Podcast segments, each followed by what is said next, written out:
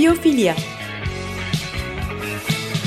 Doğayla, diğer canlılarla, kültür ve tasarımla kurulan özenli ilişkiler üzerine bir program.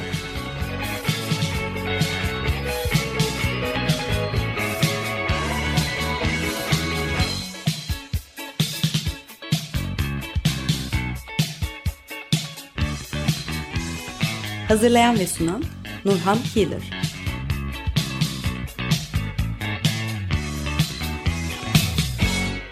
Merhaba Açık Radyo dinleyicileri, bizimle olduğunuz için teşekkürler. Bu programda güçlü bir sosyal vicdana sahip olan ikonik Meksikalı şef ve camiada sadece Lalo olarak bilinen Eduardo Garcia'dan bahsedeceğim.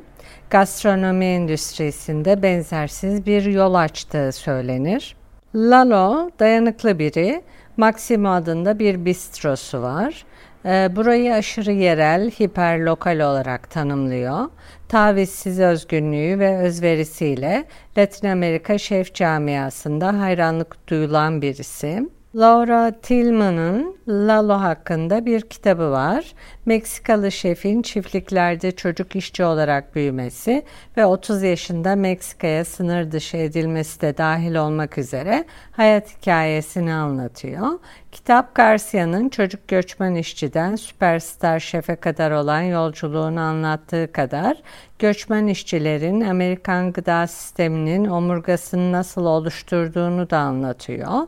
Meksika'nın gastronomi tarihi, göçmen tarım işçiliği, Kuzey Amerika Serbest Ticaret Anlaşması, pestisitlere maruz kalma, sürdürülebilir tarım, göç ve Meksika ile ilgili konularda uzmanlarla röportajlar yapıp araştırmaları da derlemiş.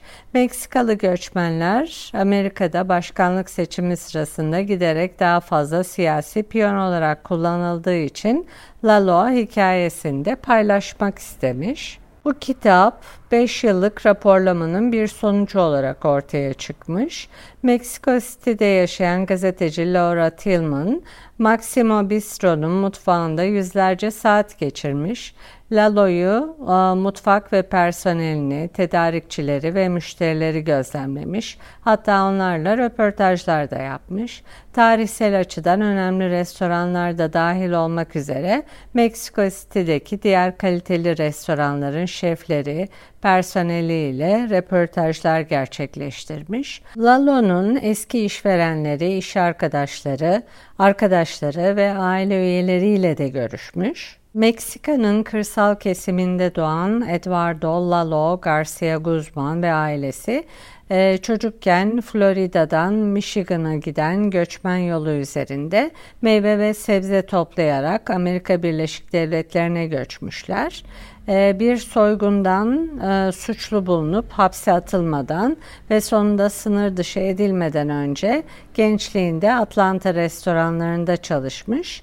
Beğenilen restoranı Maximo Bistro'da anılarını ve umutlarını anlatan yemekler üretmeye başlamış. Küçükken çiftliklerde meyve ve sebze toplama işi tehlikeli olsa da Lalo bu ilk deneyimlerini seviyor. Biz sadece çalışmayı biliyorduk ve tarlalarda çalışmak ebeveynlerimizden beklenen bir şeydi ve benim de oyun alanım gibiydi diyor. Çocukken para kazanmayı sevmiş, rekabeti de seviyor. Genç yetişkinliğini Atlanta restoranlarında kokain satarak ve sonra ağır bir suçtan hüküm giyerek geçirmiş. Sınır dışı edilmeden önce hapishanede de yatmış. Amerika Birleşik Devletleri'ndeki çalışmaları sadece fiziksel değil, e, psikolojik olarak da cezalandırıcı. Ailenin yolda geçen hayatı yorucu, kirli ve zehirli, mahsulleri takip ederek bir yerden bir yere taşınmışlar. Lalo'nun annesi Natalia her taşındıkları yerin yüzeyini fırçalasa da hamam böcekleri mutfak dolaplarındaki çatlakların arasından süzülüp havanın kararmasını beklemişler. Ailenin en acılı yılları Florida'da geçirdikleri zamanlar. Ee, narenciye ve domates oralarda kral. Aileye işe geldiklerinde sık sık böcek ilacı sıkılıyor. Ciltleri kimyasallardan dolayı yapış yapış hale geliyor. Böcek ilaçları ellerinde kabarcıklar bırakmış. Bunların bazıları hiç sönmemiş bile. Bazen bir tarlada kontrol noktasından geçerken Lalo'nun ebeveynleri üzerlerine sprey sıkılmasın diye çocukları battaniyelerin altına saklamışlar. Genç Lalo'nun aldığı ders basit. Portakalların sağlığı kendisininkinden daha önemli. 7-24 açık marketin soğutulmuş koridorlarının kokusundan ekinlerin geniş manzaralarına kadar her şey duyularını tam anlamıyla etkilemiş. 10 ee, yaşındaki Lalo başıboş, soru soran, dalga geçmeyi seven ve rekabete düşkün bir çocuk. Aile üyeleri onu hiperaktif ya da sadece sinir bozucu buluyor. Ancak çağrıldığında militarist bir itaati de var. Eğer emir bütün gün boyunca yerden portakal toplamak ya da babasının onları bir kutuya sığdırmasıysa en hızlı olmaya kararlı. Elleri kesilse, kıymıklar da bassa şikayet etmiyor. Aile bir ekip olarak çalışarak günde yüzlerce kutuyu dolduruyor. Göçmenlikte kuralları öğrenmeye ya da yakın bir arkadaş edinmeye hiç vakit olmuyor. Çünkü bir iki ay içinde bir sonraki yere gidiyorlar. Lalo'nun babası Lupe tarlaya yola koyulmadan sabah 4-5 sularında e, kalkıyor Sahip olduğu en büyük kasede un, tuz ve kabartma tozunu karıştırıyor. Parmak uçlarıyla yağı ekliyor. Ardından su ekleyerek yapışkan hamuru ipeksi bir dokunuş elde edinceye kadar yoğuruyor. Hamuru küçük misket limonu büyüklüğünde toplar halinde yuvarlıyor ve her parçayı avucunun içinde tokatlayarak düz bir disk haline getiriyor. Daha sonra bunları tezgahın ya da fırın tepsinin üzerine seriyor. Üzerlerini bir havluyla örtüyor. Tahta bir süpürge sapından yaptığı oklavayı kullanarak ince ince hamur haline getirmeden önce 15 dakika dinlenmeye bırakıyor. Çocukları uyandırmaya yakın bunları pişirmeye başlıyor. Açılan hamuru her bir tortilla şişene kadar sıcak bir tavada kaydırıveriyor. Tam olarak doğru kalınlıktalar. İçine katlanan her şeyi tutacak kadar güçlü ve bir ısırık aldığınızda kolayca esneyebilecek kadar yumuşaklar. Lalo'nun annesi Natalia evlendiğimde işte iki tabak, işte iki bardak, işte tenceren, işte mutfağın demişler. Ne yapacağını biliyorsun. Natalya çocukluğunun çoğunu annesinin birçok kişiyi doyurmasına yardım ederek geçirmiş. Yiyeceklerini Nahuatl dilinde etkili alan anlamına gelen milli kelimesinden milpa sisteminde yetiştirmişler. Burada mısır, fasulye ve kabak karşılıklı olarak destekleyici bir ekosistem sağlamak üzere bir araya getiriliyor. Fasulye topraktaki nitrojeni yeniliyor. Mısır sapı fasulye filizlerinin tırmanması için doğal bir kafes görevi görüyor ve kabakların geniş yaprakları toprağı kaplayarak güneş ışığını engelleyip topraktaki nemi tutarken yabani otları da önlüyor. Hasattan sonra nitrojeni toprağa sabitleyen garbanzo fasulyesi örtü bitkisi olarak ekiliyor. Yöntem bir ailenin küçük bir arazi parçasından beslenmesine olanak tanıyor. Natalya ve ailesi Milpa'nın sağladığı tüm olanaklardan faydalanmışlar. Mısır ise ailenin temel besin kaynağı. Gençken yenilebiliyor mısır ama olgun kuru mısırın çoğu sert tanelerin kireçli suda veya kalsiyum hidroksitle aşılanmış suda ıslatılması ve ardından yıkanıp kabuklarının ayıklanması işlemiyle nixtamalize ediliyor. Taneler daha sonra çeşitli şekillerde şekillendirilebilen masa hamurunu yapmak için öğütülüyor. Nixtamalizasyon mısırın kimyasal özelliklerini değiştiriyor ve besin maddelerini biyolojik olarak kullanılabilir hale getiriyor. Bu bölgede binlerce yıldır kullanılan bir teknik, bir yöntem. Natalya için Florida sıcağı görünmez bir zorba gibi e, ve onu her geçen gün daha da uçurumun kenarına itiyor. Sabah narenciye bahçesine vardıklarında kıyafetleri ve saçı çoktan sırılsıklam oluyor ve saçlarını şekillendirmesi bu durumda imkansız.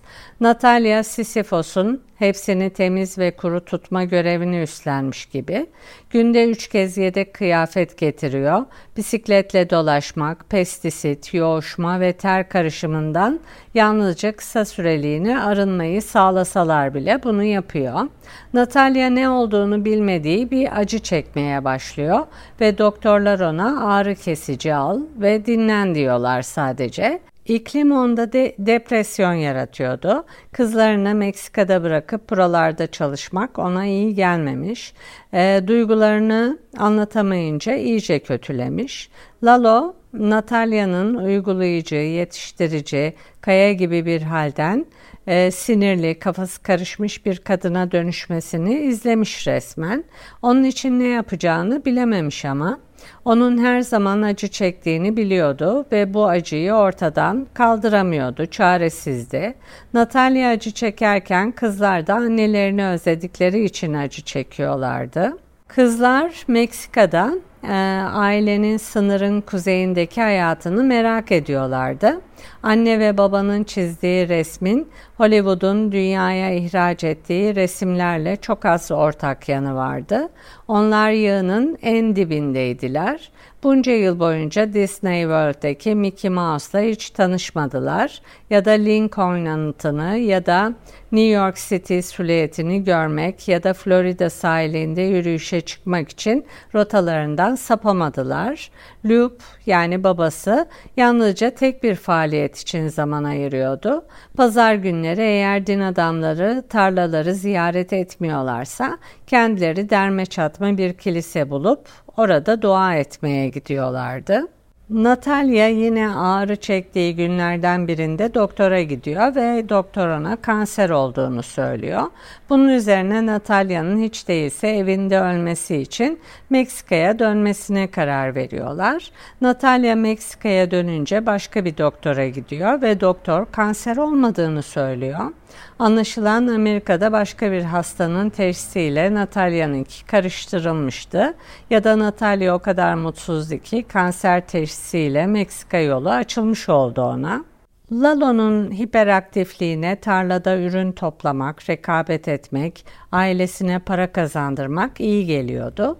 Lalo'nun hayatı ve mutfak yaklaşımına devam edeceğiz. Ama önce bir müzik arası verelim. Lila Downs'tan Solita Solita'yı dinleyelim. Tekrar merhaba Açık Radyo dinleyicileri. Ben Nurhan Kiyılır. Açık Radyo'da Biyofilya programındayız. Müzik arasında Lila Downs'tan Solita Solita'yı dinledik. Bu programda güçlü bir sosyal vicdana sahip olan ikonik Meksikalı şef ve camiada sadece Lalo olarak bilinen Eduardo Garcia'dan bahsediyordum. Meksiko City'de Maximo adında aşırı yerel olarak tanımladığı bir bistrosu var. Laura Tillman 5 yıllık araştırmaları ve gözlemleri sonucu Lalo hakkında bir kitap yazmış.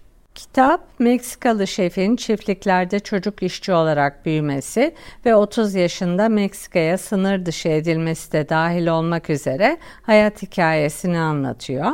Kitap, Garcia'nın çocuk göçmen işçiden süperstar şefe kadar olan yolculuğunu anlattığı kadar göçmen işçilerin Amerika gıda sistemlerinin omurgasını nasıl oluşturduğuna da bakıyor. Lalo ailesiyle birlikte o tarladan bu tarlaya ürün topluyor. E, hatta hareketliliğine ve yerinde duramazlığına iyi geliyor. Rekabeti ve ailesine e, para kazandırmayı seviyor. Nasıl hızlı portakal ve çilek toplayacağını biliyor. Onlar tarladayken üstlerine atılan tarım ilaçları derilerine yapışıyor tabi.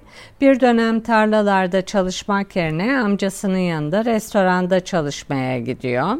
O zamanlar 15 yaşlarında ve sınırlı bir İngilizcesi var. Lalo domatesleri aynı düzen ve boyda kesebiliyor. 30 dakikadan daha kısa bir sürede bir kutu domatesin tamamını kesmiş ve hızı yüzünden tekniği hiç bozulmamış. Lalo'nun yemek pişirme konusundaki bilgisi daha çok annesi Natalya'dan geliyor. Annesi Natalya'nın etkileyici bıçak becerileri yoktu. Sebzeleri eşit olmayan parçalara ayırabiliyordu. Ama resmi eğitimdeki eksikliğini damak tadı ve kusursuz denge duygusuyla fazlasıyla telafi edebiliyordu. Fasulyesine girmesi gereken soğan miktarını, misket limonu asidinin bir yemeği nasıl parlattığını, epazotu veya kişniş e, otu notasının önemini, ne kadar ekleyeceğini ve pişirilip pişirilmeyeceğini sezgileriyle biliyordu. Vanilya damlalarını dondurmak için sıvı nitrojen kullanmıyordu. Fasulye köpüğü ya da nane aromalı yağ yapmıyordu. Hatta yemek kitabı bile kullanmıyordu. Yaptığı şey Meksikalı olmayan birinin değişiklik olduğunu fark edemeyeceği küçük bir değişiklik eklemekti mutfağında özgünlük yarattı ve kabul edilen normlardan sapmaktan korkmadı. Bazen bu bir macera duygusundan kaynaklanıyordu ama daha çok onun yaratıcılığı zorunluluktandı. Güney ve Orta Batı'daki küçük kasabalarda yemek pişiren pek çok meslektaşı gibi o da market raflarını tarar ve uzun bir ikame listesiyle ev tadı yaratmaya çalışırdı. Natalya yapışkan kağıt benzeri bir kabuğun içinde yetişen domateslerin ekşi yeşil kuzenleri olan tomatillolar yerine keskinliklerini olgunlaşmamış domateslerden elde etmeye çalıştı. Kişnişi bol miktarda taze alıyordu. Sonra yapraklarını kurutup daha sonra kullanmak üzere saklıyordu. Ohio'daki çiftçi işçiler arasında bir talep olduğunu görünce biber de ekti. Ancak o çoğunlukla Florida'dayken küçük Meksika şaraphanelerinden satın aldığı kuru zulaya güveniyordu. Pişirirken onları suda yeniden hazırlıyordu. Günlük salsalarda alışık olduğu serranoların taze asidik tadı da yoktu.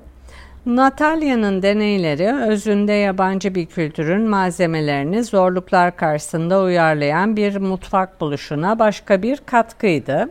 Lalo Atlanta'da çalışırken paranın prestij kazandırdığını daha fazla hissetmeye başladı ve babasından para istemekten de bunu almıştı. O yüzden arkadaşları bir yeri soymayı önerdiklerinde şoför olmayı kabul etti. Soygudan giden arkadaşları kan revan içinde elleri boş döndüler. Soygun yaptıkları yerde çalışan kişi sıkı direnmişti. Lalo taze kan lekelerini görünce bu suçtan sıyrılamayacağını anlamıştı. Nitekim 3 yıl hapis cezası aldı. Babası tüm aileyle Meksika'ya kaçmayı ve hapis yatmaktan kurtulmasını önerse de ailesinin de kaçak konuma düşmesini istemedi. Hapis yattı hatta hapiste okumadığı kadar kitap bile okudu. Hapis cezası tamamlanınca sınır dışı edildi. Meksika'da köyünde yaşayacakken babasının kanser olduğu haberini aldı. Yemek yedikten sonra sancıdan duramıyordu babası. Midesinde uğur buldular. Tabii kimse yıllar boyu maruz kaldıkları tarım ilaçlarından bahsetmedi. Birlikte çalıştıkları kişiler de bu hastalıkla sıkça karşılaşmışlardı ama. Babasının tedavisi iyi gitti ve uzun sürdü. Yine de babayı kaybettiler. Baba aileyi Lalo'ya emanet etti. Lalo aileyi daha iyi şartlarda yaşatabilmek için Atlanta'da meşhur bir restoranda çalışmaya başladı. Restoran kendisine epey bir özgür bırakmıştı ve yeni şeyler denemesini olanak tanıdı. Hatta kaprislerini bile çektiler. Lalo Amerika'da illegal kalıyordu. Ha bugün ha yarın diye beklerken sonunda yakalandı ve tekrar sınır dışı edildi. Meksika'da iyi restoranlarda çalıştı. Bir gün eşi Gabi ile tanıştı. O da turizm sektöründe, yeme içme sektöründe bir profesyoneldi. Paylaştıkları pek çok şey vardı. Kendi restoranlarını açmayı hayal ettiler ve açtılar. İlk açıldıklarında menüleri ağırlıklı olarak rustik, Fransız ve İtalyandı. Mantarlar Lalo'nun takıntılarından biriydi. Bu da ilk gnocchi yemeğinde açıkça görülüyordu. Onları her çeşit yağla zenginleştirdi. Tereyağda ve zeytinyağında soteliyor. Dana etiyle demi-glace gezdiriyor. Tatlı ekmek veya peynirle dolduruyordu. Meksika'nın uzun yağışlı sezonu sayesinde yerel olarak toplanan yabani mantarlar menünün dayanak noktası haline geldi. Yeniden yorumlamaları sayesinde Lalo'nun mutfak bakış açısı da olgunlaşmaya başladı. En sevdiği malzemeleri nereden alabileceği konusunda amansız bir merakı vardı. Ortaya çıkardığı tatlar yoğundu. Sunumu spontane ama disiplinliydi. Porcini mantar çorbası lezzetin doruğa ulaşması için püre haline getirildi. Ardından sadeliğiyle parlaması için yalnız bırakıldı. Sonra başka bir şey oldu.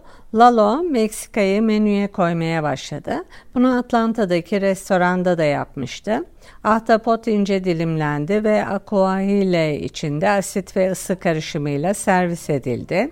Gece mavisi mısır tostadası deniz kestanesiyle kaplandı.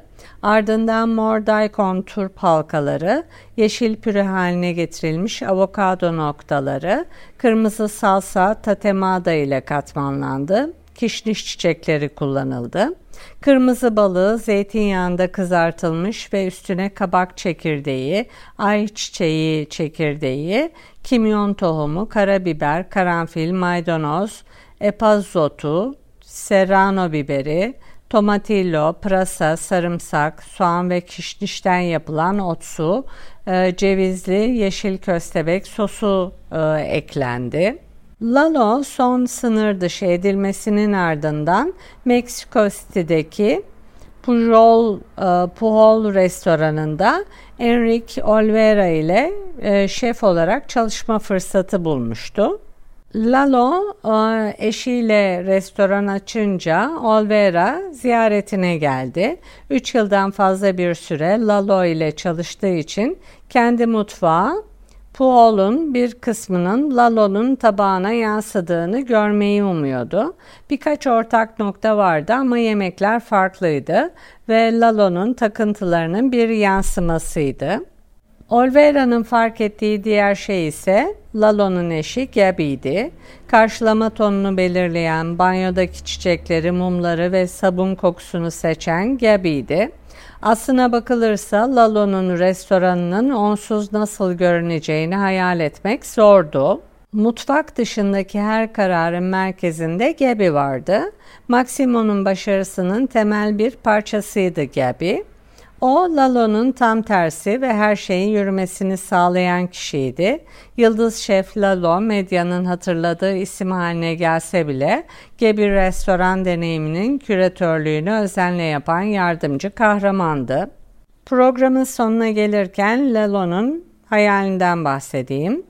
Bazen hayallere dalıyor, bazen dünya ekonomisinin çökeceği, turistlerin artık gelmeyeceği, restoranlarını kapatıp doğduğu köye dönebileceği bir geleceğin hayalini kuruyor. Elleriyle bir ev inşa ediyor bu hayalinde. İnek ve domuz yetiştiriyor. Kendi peynirini ve şarküteri ürünlerini yapıyor. Yıldızların altında uyuyup güneşle uyanıyor. Bin kişinin geçimini sağlayan bir düzine restoranı oluyor. Ülkesini mahveden uyuşturucu kaçakçılarını ve politikacıları hapse atabileceği devasa bir hapishanenin inşasıyla ilk icraatını yapacağı bir başkanlık yapıyor. Evet, Lalo'nun bu hayaliyle programın sonuna geldik. Bizi dinlediğiniz için teşekkürler. Edit için Açık Radyo Prodüksiyon ekibine teşekkürler. Bir sonraki programda görüşmek üzere. Hoşçakalın.